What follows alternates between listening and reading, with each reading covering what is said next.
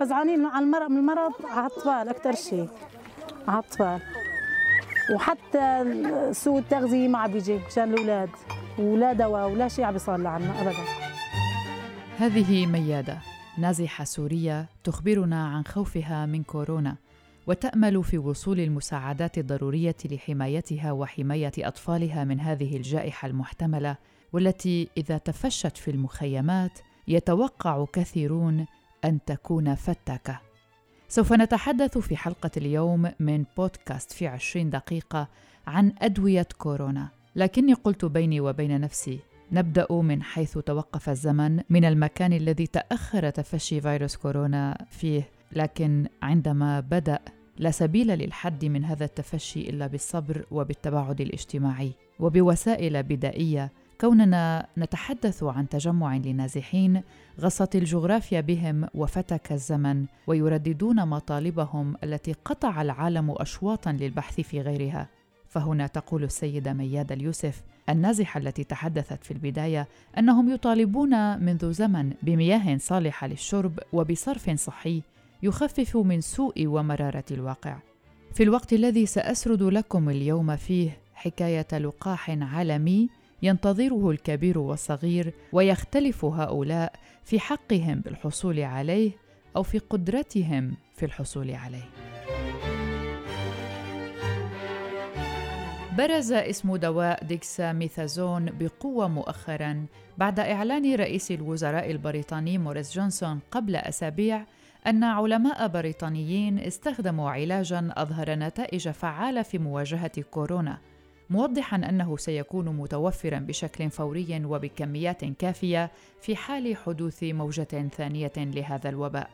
وعليه فقد رأت منظمة الصحة العالمية أن نجاح باحثين بريطانيين في علاج حالات إصابة خطره بهذا الدواء يعتبر انجازا علميا ويعد أول علاج مثبت يقلل من الوفيات في صفوف مرضى كورونا ممن يتنفسون بواسطة قوارير الأكسجين أو أجهزة التنفس الاصطناعي. الآن سنذكر أبرز المعلومات عن هذا الدواء لكن بصوت الزميل مالك علاوي ونعود إليكم. ينتمي عقار ديكساميثازول لعائلة السيترويدات والتي تفيد بتقليل الالتهابات. وقد استخدم في علاج الربو والالتهاب المفصلي في ستينات القرن الماضي. يوصف ديكساميثازون لتقليل الأورام خصوصا الدماغية منها. فيما خص كورونا فقد أعطي 2104 مرضى 6 ملغ من الدواء مرة واحدة على مدار شهر عن طريق الفم أو الحقن الوردي لعشرة أيام. وقارن الباحثون النتائج بمتابعة التغييرات لدى من أعطي لهم العلاج والباقين في العينة الاختبارية والتي تكونت من 4321 مريضا. وبعدها اكتشف العلماء أنه على مدى 28 يوما كان معدل الوفيات بين المرضى الذين يحتاجون إلى التهوية عبر أجهزة التنفس الاصطناعي 41% أما بالنسبة لأولئك الذين يحتاجون إلى الأكسجين فكان في حدود 25% وكان معدل الوفيات بين أولئك المرضى الذين لا يحتاجون إلى دعم لجهازهم التنفسي 13% يعتبر دواء ديكساميثازون رخيصا وقدر الباحثون تكلفة دورة علاج ثمانية أشخاص يعانون من كورونا بأربعين جنيها استرلينيا أي ما يعادل خمسين دولارا أمريكيا تقريبا. يقدر الباحثون أنه إذا أعطي ديكساميثازون خلال فترة الوباء فمن الممكن إنقاذ حياة ما يصل إلى خمسة آلاف شخص. وفيما خص الآثار الجانبية يشير المعهد البريطاني الوطني للصحة وجودة الرعاية إلى أنها تتلخص في التالي: الشعور بالقلق والضعف الإدراكي، الإحساس بعدم التوازن، الإعياء، احتباس السوائل، الصداع، ارتفاع ضغط الدم، تغير المزاج، الغثيان، هشاشة العظام، آلام في المعدة، زيادة الوزن، اضطرابات في النوم، كذلك هناك أعراض جانبية أقل شيوعا مثل زيادة الشهية ومشاكل في الرئة والقلب والدوار. ينصح الأطباء الأشخاص الذين يتناولون أدوية السيترويدات تجنب الاختلاط بالمرضى الذين يعانون من الحصبة وجدر الماء. وزارة الصحة اليابانية أيضا اعتمدت العقار الرخيص الواسع الاستخدام ديكساميثازون علاجا ثانيا لمرض كوفيد-19 بعد التجارب البريطانية الناجحة وأدرجت الوزارة العقار كخيار علاجي إلى جانب عقار ريمديسيفير المضاد للفيروسات ونالت المراجعة تغطية واسعة النطاق في وسائل الإعلام اليابانية.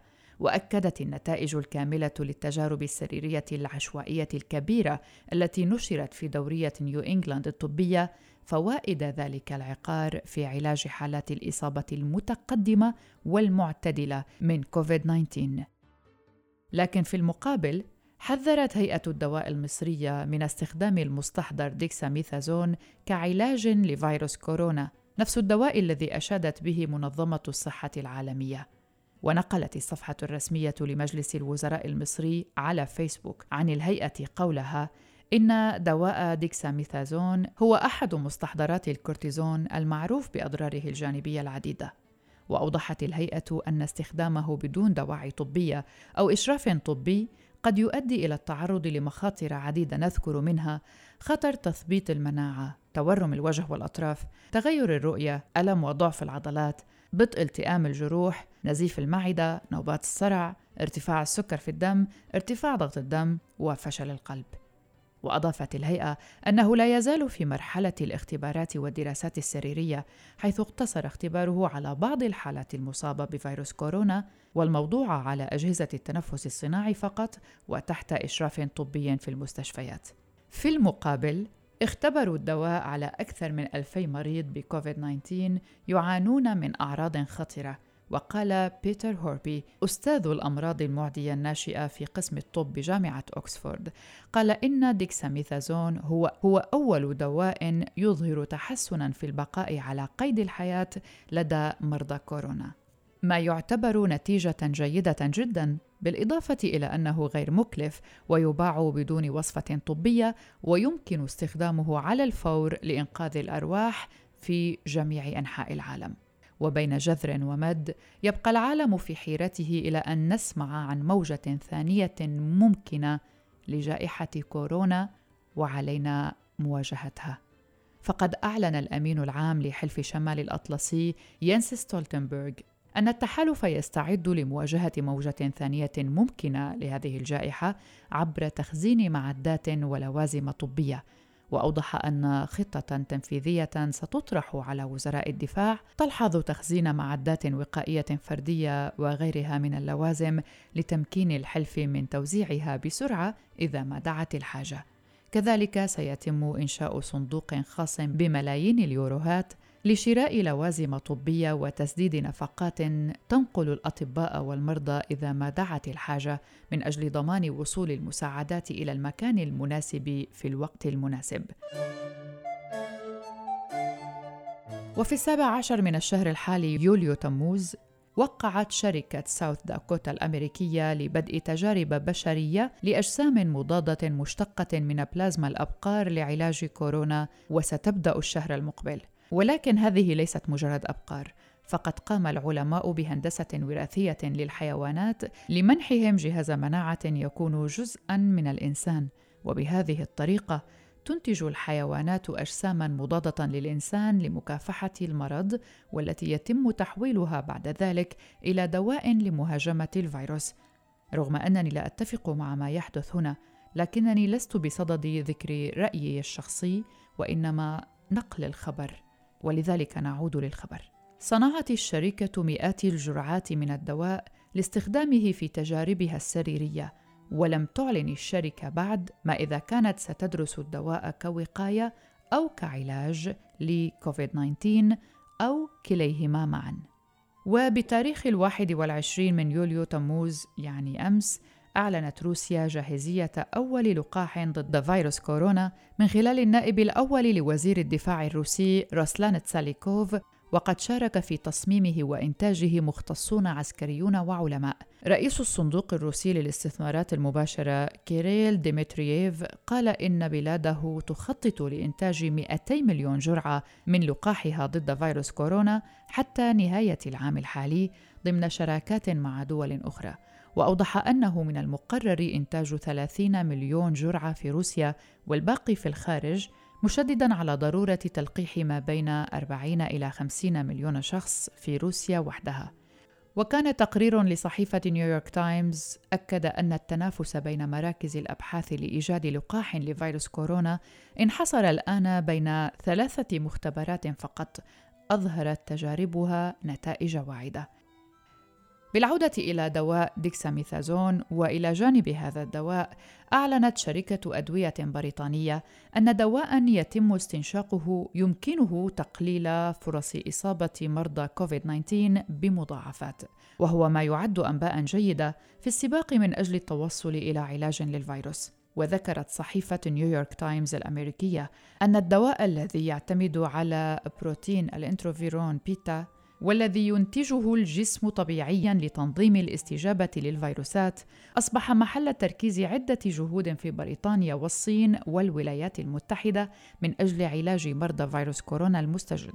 ووجد العلماء أن فيروس كورونا الجديد يهاجم الجسم جزئيا من خلال تثبيط استجابة الإنتروفيرون الطبيعية بتجريد الخلايا من سلاحها والذي ينبه الخلايا المجاورة إلى تنشيط جيناتها وتحصين نفسها ضد الفيروس الغازي وتبين أن الدواء الذي يتم استنشاقه والمكون من بروتين الإنترفيرون بيتا قلل فرص إصابة المرضى الموجودين بالمستشفيات بمضاعفات مثل الحاجة لدعم جهاز التنفس الاصطناعي وذلك بنسبة 79% مقارنة بالمرضى الذين تلقوا علاجا وهميا.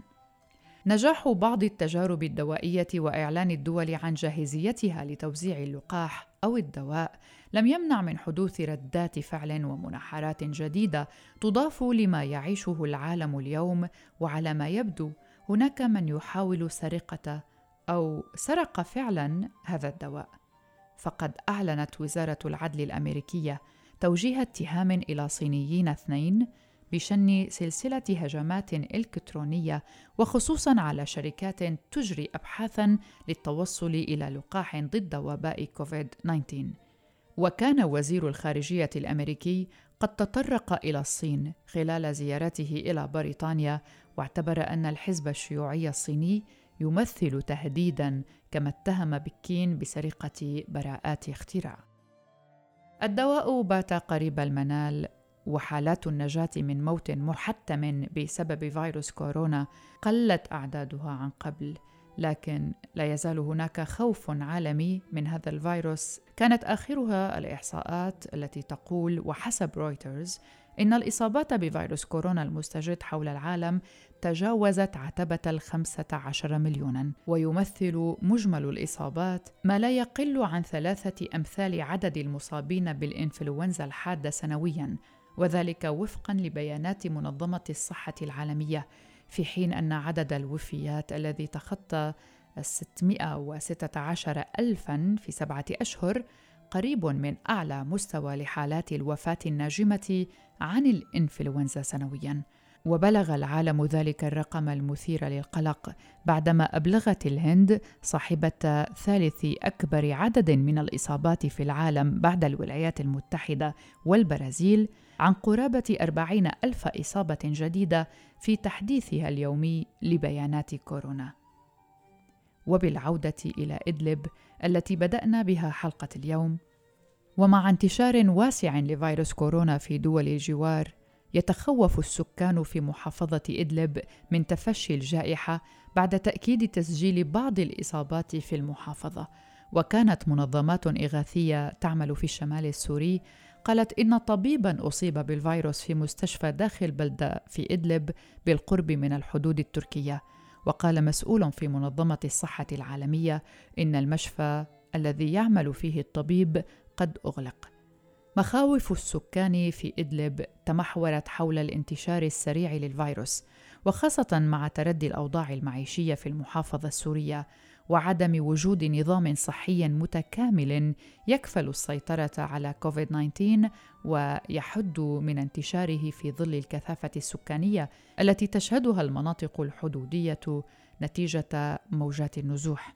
الفقر وقلة المساعدات تقف عائقا أمام اتباع المدنيين في إدلب لوسائل الوقاية خاصة أن بعض تلك الوسائل يعتبر مكلفا للأهالي الذين يعانون الأمرين أصلا ومع غياب للمنظمات المهتمة بتقديم وسائل الوقاية من معقمات وكمامات. سنستمع هنا إلى خالد الخالد وهو مواطن يعيش في إدلب. سيخبرنا كيف أطبقت الظروف الصعبة على المحافظة.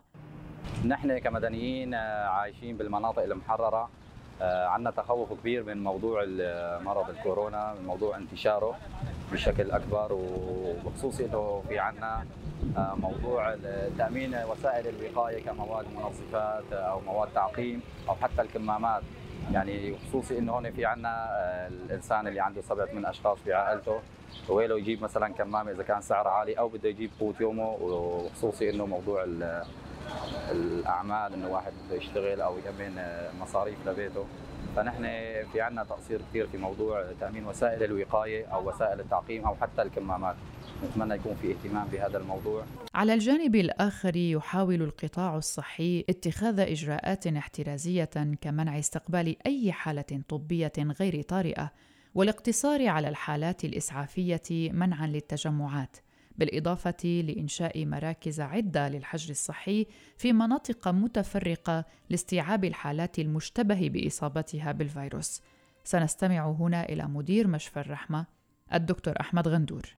آه، نحن بنعتقد إنه في حالات آه، أكثر من هيك بس آه، ولكن ما تم تأكيد تشخيصها بعد خاصة أنه نحن في منطقة محاطة بكل المناطق المجاورة كلياتها من المناطق المبوءة. نحن آه، كانت آه، بلشنا من أول ما بلشت آه، هذا هذه الجائحة بإجراءات. وهلأ نحن رفعنا مستوى هذه الإجراءات الاحترازية الاحتياطات من خلال تخفيف التجمعات إيقاف هلأ مبدئيا العيادات لمدة أسبوع بالإضافة إلى استخدام التاكيد على استخدام الوسائل الوقاية الشخصية منع الزيارات آه، بالإضافة إلى الحالات المشتبه فيها آه، عم تم إن إحنا إرسالها إلى آه، التحاليل أخذ المسحات وأخذ التحاليل.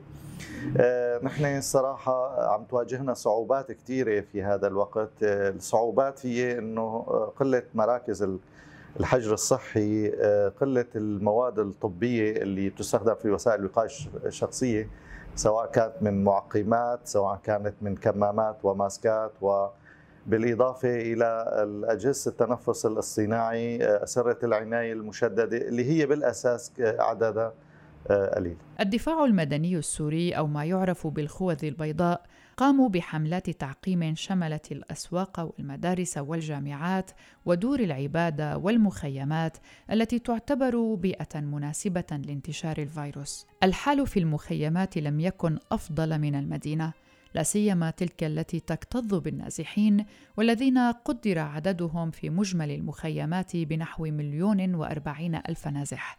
إضافة إلى افتقار تلك المناطق لأساسيات النظافة وانعدام شبكات الصرف الصحي فيها. سنعود إلى مياد اليوسف التي ابتدأنا حلقتنا معها نازحة تعيش في أحد المخيمات. سنستمع ماذا أخبرتنا عن خوفها من وصول كورونا إلى المخيمات. فزعانين اتصال الكورونا لعنا ما في سلل تنظيفات ولا في صرف صحي عندنا مزبوط وفي عالم قاعدة ناس قاعدة فوق فوق بعضها فرد خيمي جاي عائلتين ثلاثة فرد خيمي. يعني كثير كثير ضعيف هون عندنا. كثير هذا ضعيف. ومي قليلة كمان. مي قليلة. ما في شيء. يعني فزعانين على المرض من المرض على الأطفال أكثر شيء. على الأطفال. وحتى سوء التغذية ما عم بيجي مشان الأولاد. ولا دواء ولا شيء عم بيصير لعنا ابدا. يعني خدمة كثير قليلة. أما محمد الصالح فقد أخبرنا عن مخاوف أخرى بسبب هذا الفيروس. نحن باقي في مخيم منازعين متخوفين من مرض الكورونا. وقلة المي عندنا لازم يكون في عندنا كثرة مي مشان النظافة ولازم يكون في الناس آه، توزع لنا كمامات كفوف مشان من هالناس تحافظ على حالها من مرض الكورونا. وفي عندنا آه، قلة اهتمام بالمخيم عندنا هون من نظافة كثير كثير هذه كانت حلقة من بودكاست في عشرين دقيقة. شكرا لحسن المتابعة. في الإعداد والتقديم كنت معكم براء صليبي. إلى اللقاء.